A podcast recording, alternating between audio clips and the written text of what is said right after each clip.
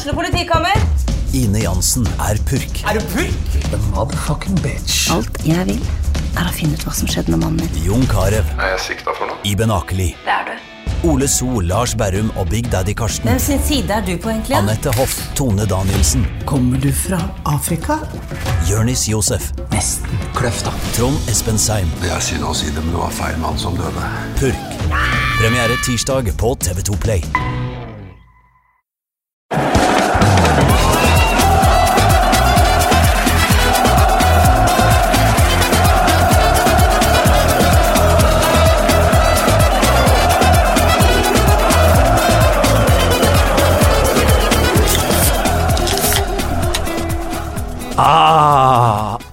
Aller første episode av Pyro og Pivo noensinne, og hvilken bedre måte å starte det på er det enn å åpne en duggfrisk Pivo.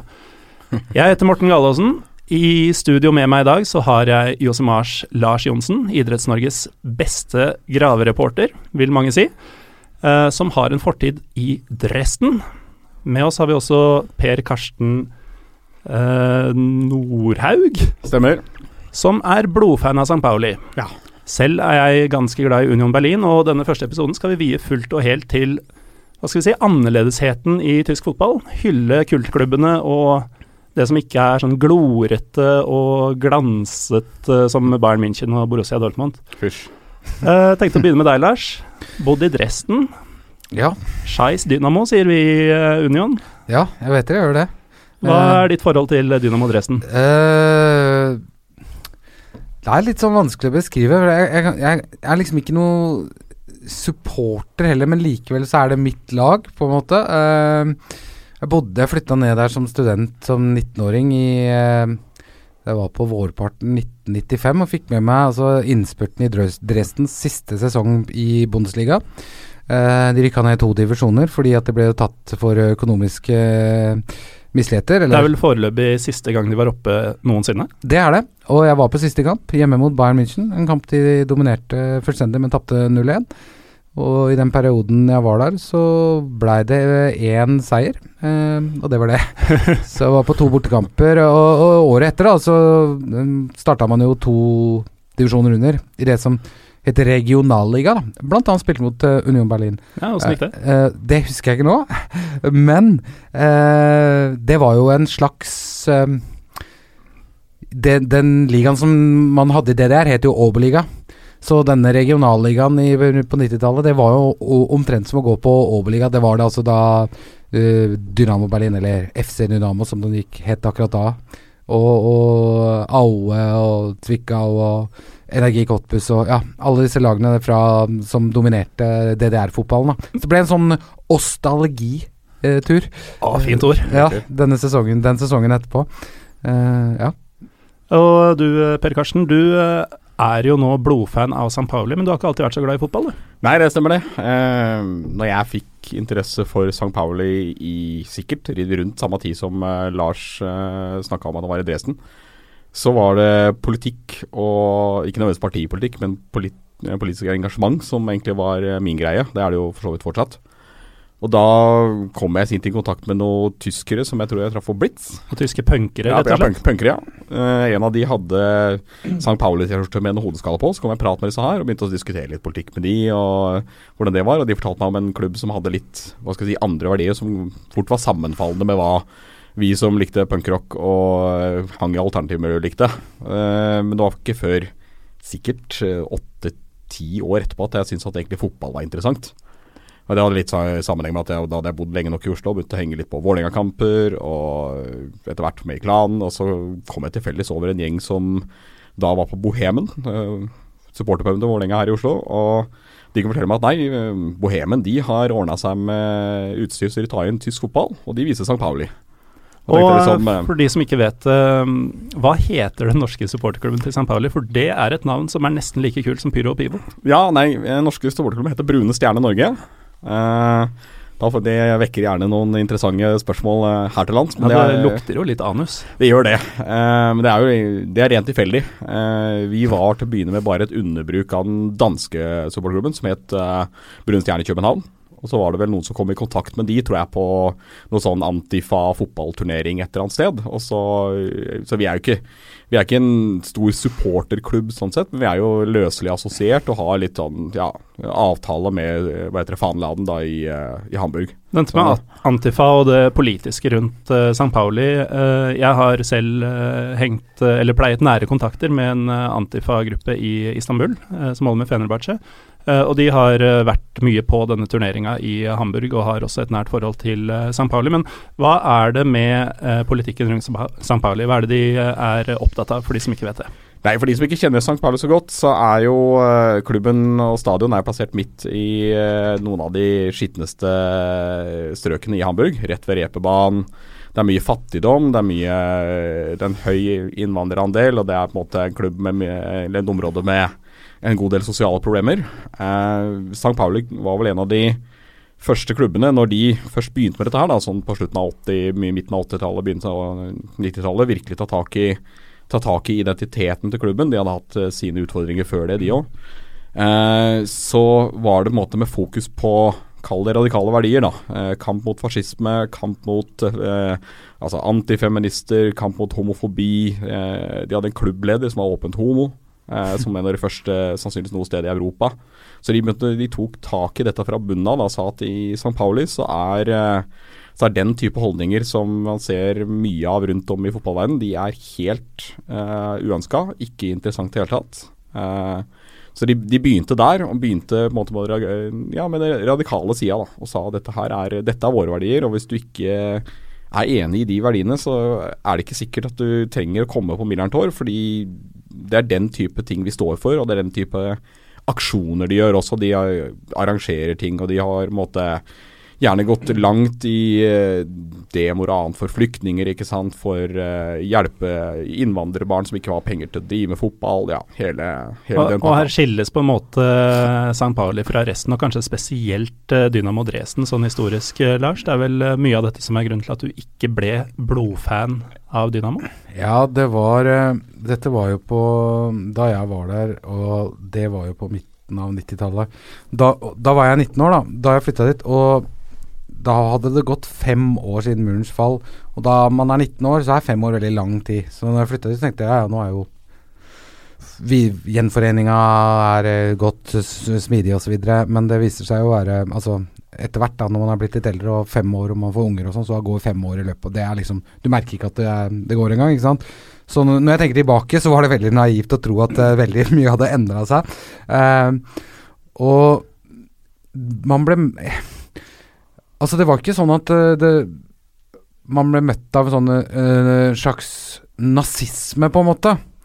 Eller åpen nynazistiske folk som marsjerte til kamp eller noe sånt. Men det, er sånn, det har noe med, med, med retorikken da, som lå under. altså Det var en liksom høyreekstrem eh, retorikk, eh, en ordbruk som er henta fra, fra vokabularet til liksom eh, ytterste høyrefløy. Eh, og åpne også holdninger som var eh, rasistiske. Altså det var jo apelyder mot svarte spillere. Mm. Første kampen jeg var på, var jo mot Borussia Mönchengladbach. Der spilte Martin Dahlin. Han, der var, står liksom vanlige folk da og, og, og ropte gjorde apelyder mot han, mot han og mot alle andre svarte spillere. Og det husker jeg tok opp med, med folk som var lokale. Bare sånn Ja, men det er da ikke noe rart. Og så bare sånn De lå veldig langt bak, da. Ja.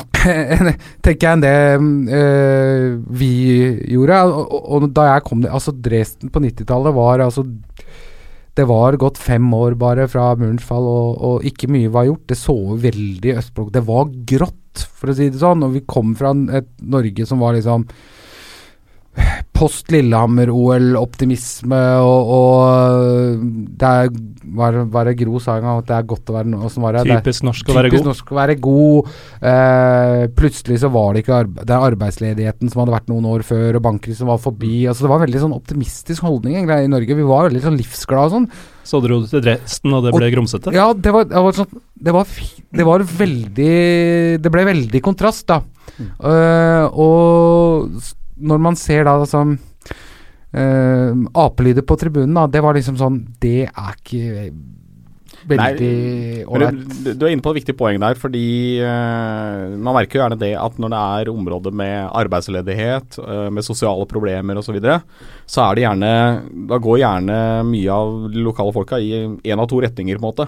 Det er eh, I noen deler av verden så ender folk opp på den radikale høyresida, i andre deler så ender de fort opp på radikal venstreside for nettopp ta ordentlig avstand til det. Nå skal du skal gi litt skryt til Dresden òg, da, eh, selv som St. Paulo-fan. Fordi jeg opplever vel at Dresden har begynt å ta grundig tak i de tinga seinere år. Du skal ikke så mange år tilbake før du fortsatt hadde for sånn eh, blodige antikommunistiske tifor osv. på stadion til Dresden, men det ser du ikke lenger. Nå er det mer fokus på at liksom Dresden er eh, ja, ny, nyskapt, på en måte, og det, det jeg som bra. Så Mm. Ja, jeg syns absolutt og, og den stadion de har fått nå i forhold til den, den det der stadion som var, og den som, som de hadde altfor lenge, Den var ganske råtten. den var ganske råtten, Og, og, og den stemninga som er på de kampene Nå har ikke jeg vært der, da, men jeg ser jo noen av de kampene på TV. Og altså på borteturer, altså cupkamper i midtuka mot Borussia Dortmund, og det er liksom ti minutters YouTube-video av folk, bortesupportere, som kommer Mm. til, til stadion. Altså Det er helt sykt trøkk på de kampene. Så det er liksom Det er veldig vanskelig å sette, båssette det som en sånn derre At alle er sånn høyreradikale. For det er jo ikke det heller. Det er jo vanlige folk, og øh, det er liksom byens stolthet. De har liksom ikke så mye. Det er, det er arbeidsledighet, og det er Nei, det, det, er jo, det er jo poenget òg, da. At på måte, det er ikke så mange andre klubber rundt Dresden enn Dynamo. Det er på måte det som er den store, Ja, store, dette er lett- stormotoren. og Dette er lett å glemme oppi, eh, oppi alle overskriftene og eh, forestillingene man har om disse klubbene. Det er jo at til syvende og sist så er det jo byens klubb, det er lokallaget som folk bare vil holde med. Og så Mm. er det jo, får de jo stempler på seg som følge av eh, hvem de er og hvor de er fra. Ja, det, det er jo litt sånn, men samtidig eh, Det er noe med måte, hva også klubben går ut og gjør. Det har, det har mye å si. I, Mm. Dette merker vi i, Norge også, hvor på fotball jo skal være så apolitisk at er eh, budskapene blir måte vanna ut til ordentlig tynn, tynn te når det kommer på, kommer på stadion. Og det er en samtale verdt å ta. Eh, Hva syns du om det, Per Karsten? Jeg syns jo det er Hva skal jeg si litt feigt. Eh, jeg savner mer av norske klubber, inkludert eh, klubben jeg sjøl er supporter av, Vålerenga her i Oslo. Sannsynligvis kunne gått lenger i det. Eh, når man har hva skal jeg si, grunnverdier i klubben som går på inkludering, som går på en måte mangfold, så handler det om å ta tak i det og gjøre det til en måte mer enn bare slagord på en og annen T-skjorte eller på en, eh, en eller annen tilfeldig TIFO. Drar du til Tyskland og ser klubbene egentlig på begge sider av hva skal jeg si, de frontene, enten du nå drar til ikke nødvendigvis Dresden lenger, drar du til Rostock eller drar til de på en måte som er Magdeburg, som er helt ekstremt uh, høyrevridd, så ser du der er det fra første sekund på stadion, så er det høye høyrehender, det er uh, stygge slagord på bannere, og kommer du til uh, Millerntor, uh, husker en kompis som har fortalt de møtte Råtveis Oberhausen, tror jeg det var, som var kjent for også å ha rimelig hva skal jeg si, høyreradikale fans. En av de første matchene jeg var på i Tyskland, var faktisk Rotweis Oberhausen Ja. mot Hansa Rostock. Ja, riktig. Ja, Det, det, var, det var en mørk, mørk kveld. Ja, det kan jeg tenke meg. Uh, han, han, han fortalte meg at på den stadion den kvelden, og første kamp han noensinne var på Millerntor, han dro litt tilfeldig, men hadde hørt om klubben, og opplevde en eh, hjemme, hjemmefans på da 25 000 som ropte 'Nazi-Schwein', 'Nazi-Schwein' i 90 minutter til bortefansen. For de ville ikke ha den, den slags type holdninger på stadion i det hele tatt. Så Det er ikke noe fett, det, da. At, uh, at, man, at det er en nazister på tribunen. Det er ikke noe kult, det. Jeg syns det. Jeg synes det, er, det er bedre med utvanna og og, og si, som du sier, at vi er i Norge Altså, det er ikke noe jeg, jeg sier ikke at det er ønske vi- gærent. det er det er gærent, men jeg, det, jeg syns kanskje budskapet i Norge fort blir litt, uh, blir litt tynt. Fordi vi, vi, er, vi skal liksom være så opptatt av at det skal være så, så nøytralt som mulig, og så apolitisk som mulig. Og det syns jeg er litt, kan være litt eh, det, det syns jeg i hvert fall en del land, sånn som Tyskland, de, de tar det litt lenger. Og, men samtidig føler jeg ikke de tar det for langt. Det er det som er. De, det skinner heller gjennom i hva klubben ellers gjør av tiltak. At de støtter opp under dette. At de eh, støtter opp under både tiltak og aksjoner og eh, veldedige ting som gjør nettopp noe for de som trenger det, da, istedenfor å si ja, vi har disse verdiene, men vi er kun et sportslag, så vi kan ikke gjøre så mye. Mm. Det er rett og slett litt farlig å mene noe som helst i norsk idrett. Det har kanskje du fått erfare, Det er Lars? veldig farlig, øh, og det går ikke på holdt jeg på å si høyre- eller venstreekstreme holdninger, men det er um, debatt måten eh, i Fotball-Norge på det sportslige eller på det administrative å ta opp ting som, som er viktig for eh, eh, hvilken retning NFF skal ha, eller you name it. Det er, Du blir møtt med Ja, jeg kan snakke med deg, men du får ikke sitere meg. Fordi at man, det er blitt en litt sånn fryktkultur. Men det går på helt andre mekanismer enn liksom tribunekampen, da. Men det er ikke en bra retning eh, vi har gått på det, altså. Men jeg tror kanskje det bedrer seg med litt andre ting på annet regime i, på Ullevål stadion nå enn det vi hadde, da. Mm. Nå sklir vi litt bort fra det vi egentlig var inne på. Nå har det vært litt sånn eh, negativt lada stemning i lufta. Så hva med den tyske supportkulturen generelt? Eh, dette med altså når du lag, bruker beltet ditt, uh, fyller det med skjerf sånn at det nærmest blir et skjørt. At du går rundt med olavest med masse påsydde merker både av band og andre klubber man har spilt mot, og det ene og det andre. Og og sånne, hat, og sånne hat eh, på symerker også, det Ja. sånn fuck Bayern og sånn på. Ikke sant? Hva syns vi om dette? Er det herlig, eller er det forferdelig? Jeg føler litt som eh, Nå, er det, nå ser jeg ikke så mye av det. når jeg er jevnlig nedover i Hamburg og ser kamper, sånn par-tre ganger i året. Eh, og ser ikke så mye av den type hva skal vi si, påkledning lenger. Det er nok litt, kanskje litt utdatert, men det kan godt hende det er andre klubber hvor det er vanligere. Det hender vi ser sånne på Millerntor også. For meg blir det en sånn Det blir litt kuriositet med hva skal jeg si, skjerfskjørt og eh, jakker med uendelig antall merker på, men samtidig Du ser nok mer av de klare budskapene, og det er ingen tvil om at på, på Millerntor. Uh, ikke minst så ser du, hvis du ser noe som er hva skal jeg si, anti- eller hat-type, enten det nå måtte være buttons eller patches eller hva det måtte være for noe, så er det gjerne nettopp mot de samme verdiene da som klubben står for. Det er, Du ser ikke kanskje så mye fuck Bayern, men du ser definitivt folk med fuck Hansa Rostock. Mm. Uh, det, det, er, det er mye viktigere å markere de holdningene også, da kanskje ikke nødvendigvis alltid på den mest elegante måten. Det er uh, ikke uvanlig å tegne eksempel eh, Rostock-folk i grise, griseform, så det Mm. Jeg så en del faktisk eh, med denne klassiske påkledningen. Jeg var og så Hertha Berlin mot Faen, Jeg husker ikke hvem det var mot engang. Eh, Nå par, par år siden. Ja, to, ja, det er tre år siden nå. da. Mm. Eh, da Men ikke, ikke de unge, da. Det var gjerne litt eldre, eldre folk. Jeg husker jeg syns jo det var da jeg flytta ned der, at liksom da eh, Hvis du set, satt, setter det opp mot kan du si engelsk tribunemote, så lå jo de i Tyskland 20 år bak, og det var ikke noe jeg syntes var fett. Jeg syns egentlig ganske teit. Ja, For du var 1920 på denne tida, var det ikke det? Ja, du, ikke sant? du, tok ikke med deg det, du tok ikke det med deg hjem til Norge? Nei, med, jeg tok ikke med det Nei, Du ser og- mer engelsk ut uh, enn en det du beskriver nå. Ja. jeg? Ja. Ja.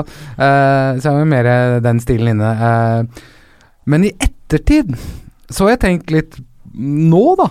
Og, og, og den der For det er et sånt tegn på sånn ekstremfolkelighet, liksom. Ikke sant? Og det er noe Eh, sjarmerende i det. og det er noe der som gjør at det- jeg eh, på en måte el elsker elsker tysk fotball mer nå enn da, egentlig, fordi at de har greid å holde Gjennom kommersialisering og gjennom alt at det er et svær pengemaskin, hele greia, så greier man likevel å være en folkelig ha, Være folkelig på en helt annen måte, da. Ja. Eh, og holde på en sånn at dette er en folkebevegelse, selv nå stadionet fete, og de har sponsornavn alle sammen, osv. Så, videre, så er det et sånn uttrykk for en sånn derre At det er Ola og Kari som ikke egentlig Altså, det er dette vi bryr oss om, liksom. Ja. Og midt oppi dette så har jo eh, billettprisene blitt holdt forholdsvis lave stort sett over hele Ja. Tyskland. Mm. Og ikke minst har spillet på banen blitt veldig mye mer positivt enn det var for 20 år siden. Ja. Ja. Jeg husker eh, min, det, det var eh, Altså, da jeg bodde der, så var det altså to manndekker og Libro. og Det var Vi skulle spille en sånn studentturnering, og jeg skulle være med, da. Jeg er jo ikke noen fotballspiller av meg, men Og det er ingen tyskere som, på min alder som skjønner noe annet spillesystem enn den klassiske Alle har spilt det.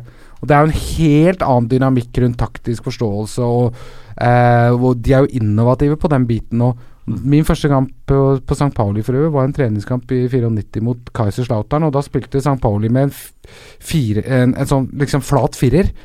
Og da ropte alle altså, liksom, Schei- de, de ble rundspilt. De ropte alle scheiss Vierkette, altså liksom eh, Ta den firbekslinja og stikk den et visst sted. For For det er ingen som skjønte det. Spillerne skjønte det ikke. Tribunefolk, hva er det de prøver på her? Nei, men der, der er det, det er jo et annet viktig poeng. Da, at eh, selv de klubber som St. Pauli, som måtte har et eh, litt sånn kultrykte, og som eh, måtte er kjent som eh, ja, klubben for alternative og punkere og anarkister og hoppsi annen pakk, ikke sant? Det, er, det er det som er greia. Eh, de har jo også blitt en stor klubb, det er det ingen tvil om. De Mm. har en moderne stadion som nå ble ferdig for et par år siden, som tar nesten 30 000. Uh, motsetning til den eh, jordvollen som utgjorde ene kortsida for eh, 10-15 år sia. Eh, og stadion, men samtidig, stadion er jo fullpakka alle kamper, uansett om det går helt jævlig eller om vi vinner. Det er like samme trøkket på stadion, selv om det Mm. går helt åt skogen, som det gjerne har gjort i år, da.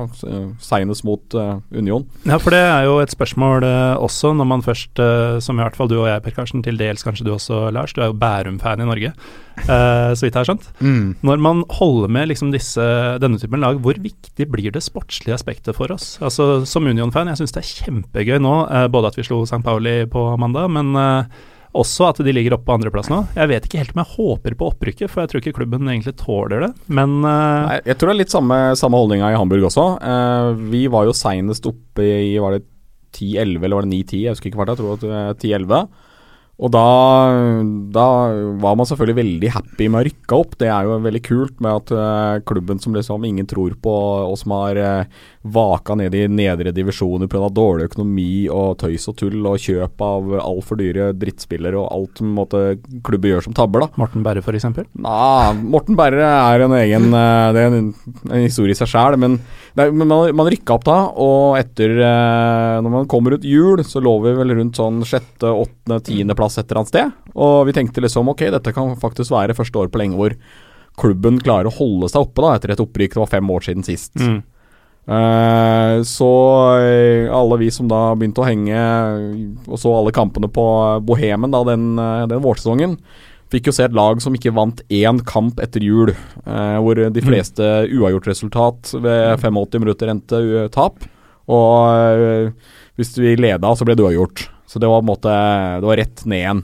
Men samtidig så merka du det på holdningen nede i Hamburg, at det ga egentlig fansen ganske blankt F i, altså. Al- Om man rykka ned igjen.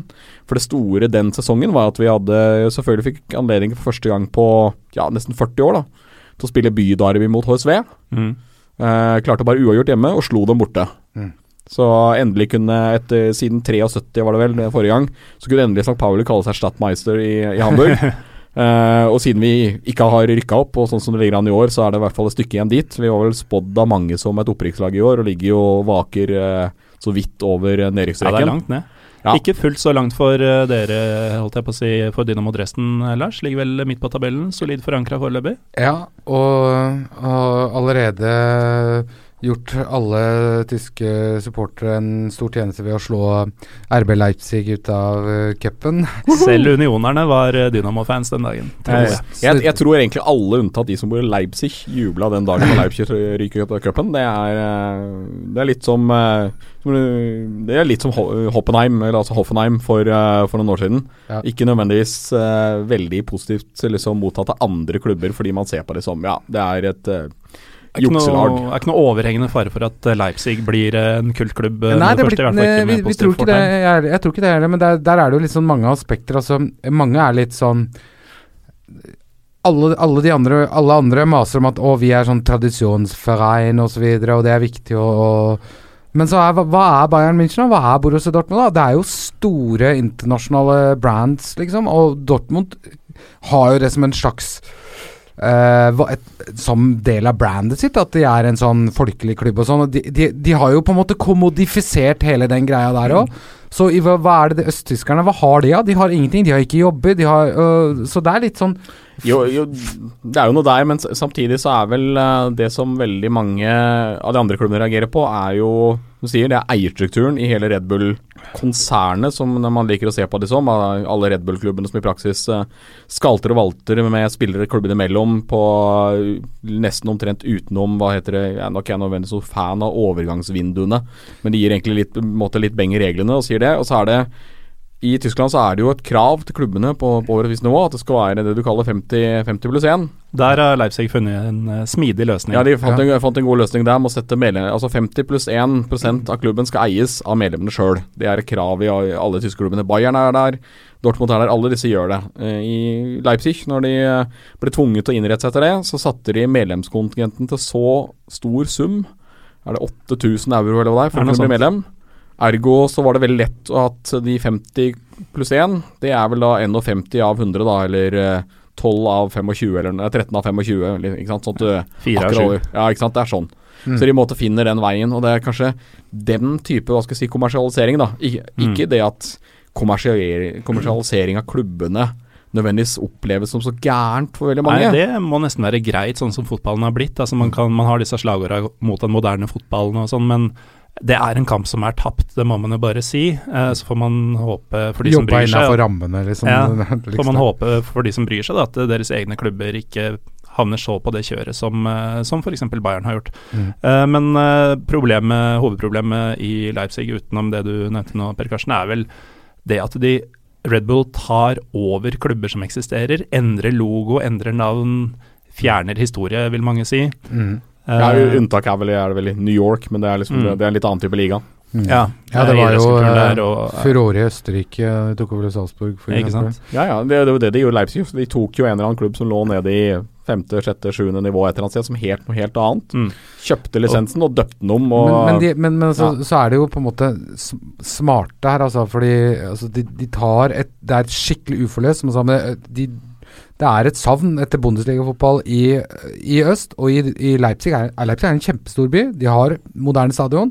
De har to klubber som sliter nedover, og med supporterfraksjoner uh, på den ene og den andre siden som ikke har vært på begge før det nye stadion ble bygd, for øvrig. Så både VfB og på Saksen Leipzig, da. Så altså, det er jo de greier jo ikke løfte øh, byens fotball, i motsetning til Dresden, som har ett lag og vært stabile alltid. ikke sant? Mm. Så har jo da de tenkt Hei, her er det et uforløst potensial, og det er det jo. Ja, de ser, ser jo at det er et marked da, ikke sant, som er mulig å gjøre noe med. Ja. Og Sånn sett er det selvfølgelig bra for Leipzig at de får en klubb. Altså, det er jo Ja, og sånn for sett bra, gamle Øst-Tyskland. Ja. Det, det måtte jo tross alt noe drastisk til for å få et lag som det er litt håp rundt. da. Ja, Ja, ja. så, jeg er håper til resten av Tyskland at det håpet slukker fort. ja, det er litt, litt trist at uh, måte, lokomotivet i uh, østtysk fotball skal være Red Bull. Det, Mm. Ja, det, er, det, det er nok, faller nok ganske mange østtyskere også tungt for hjertet. Da, det, gjør det, men, men det sier jo noe også om hvor frakjørt øst den østre delen av Tyskland har blitt, og alltid har vært etter gjenforeninga. At dette må til. Altså Det er jo enorm fotballinteresse, det er jo, ikke sant? og man trekker jo folk på alle mulige klubber. eh, Men, men det, Mm. det er ikke økonomi, det er ikke ressurser, det er Ja, så Da er det nesten på tide å um, kvikke opp stemninga litt igjen. Så regner jeg med at dere begge har vært på deres dose av matcher med disse lagene rundt i Tyskland. Um, har dere noen spesielt gode historier, noen uh, enkeltpersoner dere har møtt som har helt spinnville? En bortekamp som gikk uh, ad undas. Uh, kan begynne med deg, Per Karsten. Du ser ut som du vil snakke. Eh, jeg, har vel, jeg har et par eksempler. En av kampene var jeg ikke egentlig var jeg ikke på sjæl engang, men har kun fått rapportert fra andre. Eh, det var vel det året vi sist gang var oppe i førsteliga. Hvor vi møtte Vi hadde en sånn marginal sjanse til å klare oss når det var tre runder igjen. Og møter da Bayern hjemme som eh, i en sånn typisk kamp. Hvis vi slo Bayern og de laget vant der og det andre laget vant der, så var det fortsatt en mulighet. Gode gamle snøballen i helvete. Ja, eh, Bayern vant 8-1 på Millertor. eh, men de som var til stede sa at de hadde vel ikke sett maken til jubel på stadion det året som den gangen eh, St. Pauli reduserte til 1-5. Mm. Da var det fullstendig bananas. Det er vel litt St. Pauli i et nøtteskall? Ja, det er, det er litt det man, man må feire det som er mulig. Men jeg har vært på, vært på kamper eh, som har også vært hva skal jeg si, ganske så bananas. Eh, vi som er i Brun Stjerne, eh, vi er ikke en supporterklubb med noe sånn eh, tilgang på Vi er ikke noe billettsentral akkurat, men vi har en avtale med eh, lokale fansjappa på Millerntor om at vi kan få, hvis vi spør i god tid på forhånd, en viss andel av utenlandskvota da, som de har. Og Det er ikke Mm. mange. Det er jo litt sånn at hvis, ikke, hvis vi er tre, så får vi tre billetter, ikke sju. Det er, det er ikke satt av noe til oss, men vi kan be om å få det. og Det er ikke alltid vi har fått det heller. Og da, da, det, og da, da får vi muligheten til å stå selvfølgelig sammen med ultrasene på den eneste ene kortsida. Og det er jo i seg selv, for meg, da, uansett når det er, uansett hvilken kamp det er, kanskje det beste stemningen. Første kampen jeg fikk der nede sjøl, var jo sånn sett en artig opplevelse, for det var hjemme da mot Werder Bremen etter at vi hadde rykka opp. Vi røyk vel 3-1, og den andre særegenheten som jeg kan komme på, er vel at uh, den, det motstanderlaget jeg har sett oftest på Millern Tor, er av alle ting Eidsberg Aue. Det Tilfeldigheten har gjort at uh, på de sikkert 15-20 kampene har vært, så er det tre ganger så har det vært hjemmekamp mot Aue. Og det har eh, sett veldig bra ut hver gang i ca. 60 minutter. Og så har det vært kollaps som gjør at det enten blir uavgjort eller tap. Og det er, det er sånn, Men du, du, merker det når du er der. Uh, stemningen på Millern Tor er helt ekstremt høylytt. Mm. Eh, nå vet jeg ikke hvordan det er på de andre stadionene, men de sier mye om Köpenick og de sier mye også om stadionet Dresden. Mm. At det på en måte er uh, veldig bra, men de sier at det på en måte er, det er De har klart å lage en intim stadion på 30 000. Mm. Det gjør at når du da står med ultrasene, så er lyd og hva skal vi si, lukt Uh, ja, for det luk, Tyske stadioner lukter annerledes. Ja, ikke, ikke, bare det, men det er en grunn til at vi pleier å ha tilnavn på der vi står, og det er hasj- og familietribunen. ja, det er veldig passende, for det er måte Og det er stemningen og stilen, og det gjør måte Så er det jo en viktig forskjell for Norge, at det er jo alkoholservering hvis ikke det er risikokamp, så er det alkoholservering på stadion. Og det i seg selv er jo grunn for folk, eh, folk, til å bli med når en av oss skal på fotballtur, selv om de ikke er interesserte selv. Ja. Men eh, fra det, så før vi tar eh, Lars sine eventuelt spinnville Dresden-historier, så kan jo jeg som en smidig overgang fortelle om det jeg skulle på Union mot Dynamo Dresden uh, for snart tre og et halvt år siden. da var det Uh, selvfølgelig, jeg er ikke klubbmedlem, så jeg måtte gå noen bakveier for å få billetter til meg og kompisene mine. Så uh, jeg tok kontakt med en uh, mann som het Sig. rundt 60 år gammel, mangeårig medlem av en supportergruppe som heter Eiserner Virus. og han klarte å skaffe disse tre billettene, vel, til oss. Så vi skulle møte han på Abseitsfallet, som er Union-puben som ligger rett ved stadion. finner fyren og får billettene.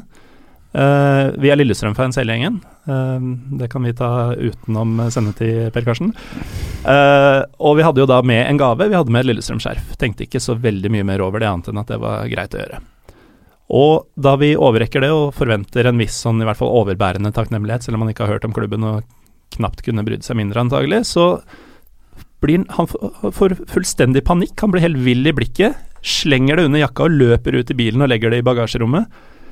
For det var jo Dynamo vi skulle møte, som også er gule og svarte.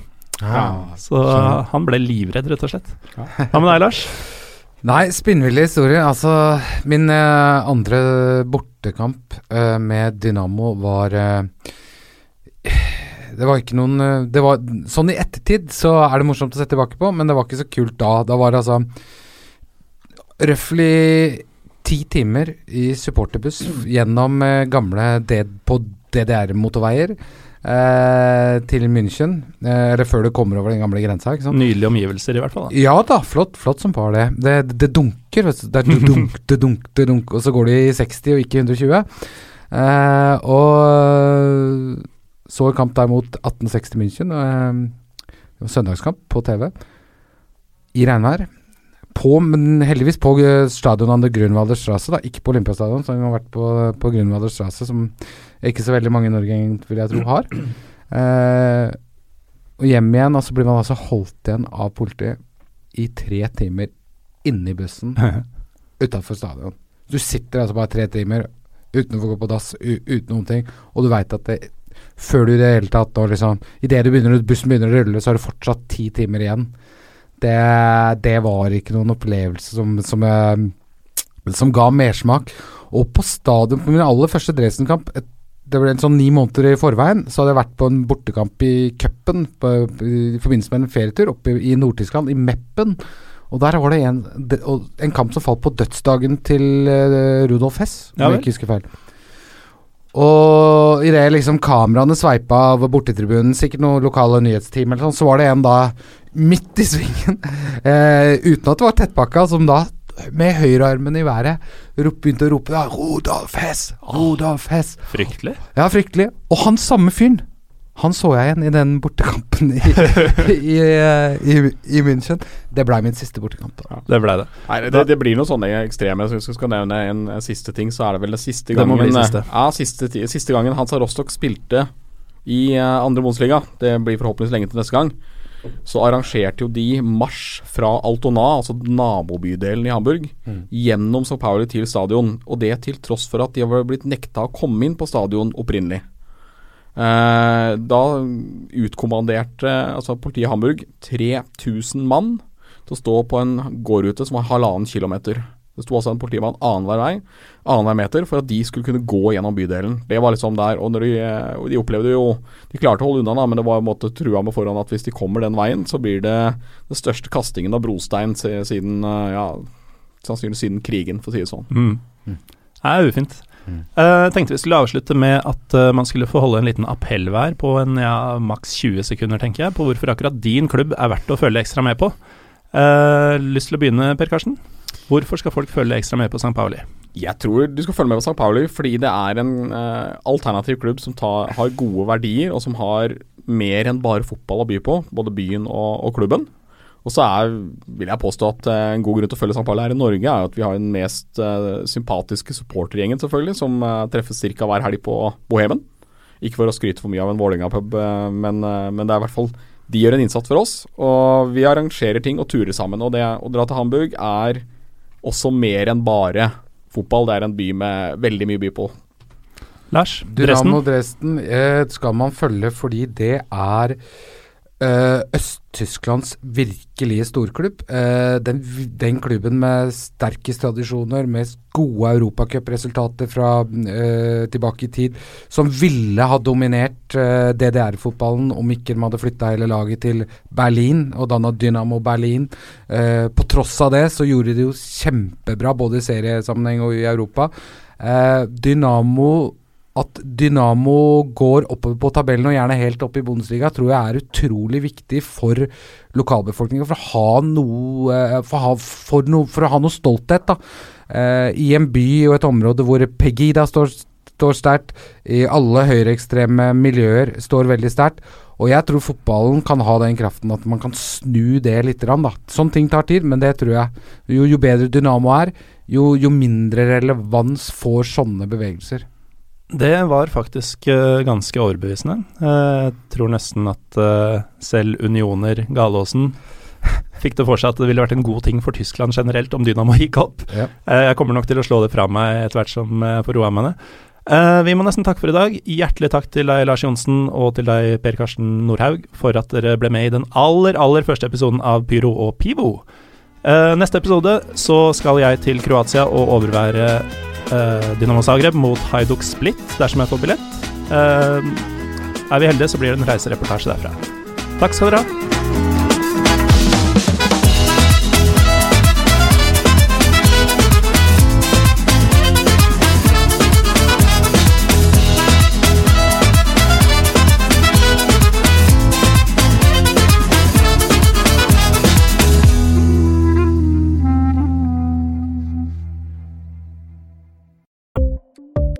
Ukens annonsør er HelloFresh.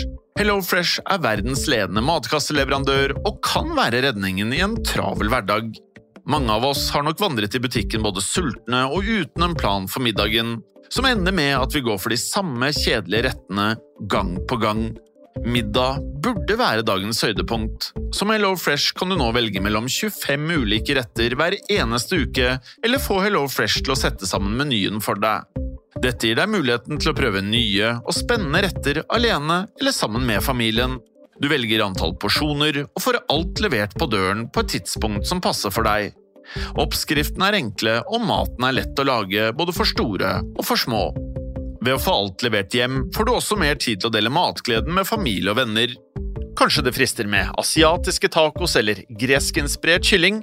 Da kan jeg anbefale deg om å gå inn på hellofresh.no. Her kan du bruke koden FOTBALL og få opptil 1779 kroner i rabatt på de første fem matkastene hvis du ikke har prøvd Hello Fresh tidligere. Du kan også bruke rabatten hvis du har vært kunde og stoppet abonnementet ditt for tolv måneder siden eller lengre. Gå inn på hellofresh.no og bruk koden FOTBALL. Har du et enkeltpersonforetak eller en liten bedrift? Da er du sikkert lei av å høre meg snakke om hvor enkelt det er med kvitteringer og bilag i fiken, så vi eh, gir oss her, vi. Fordi vi liker enkelt. Fiken superenkelt regnskap.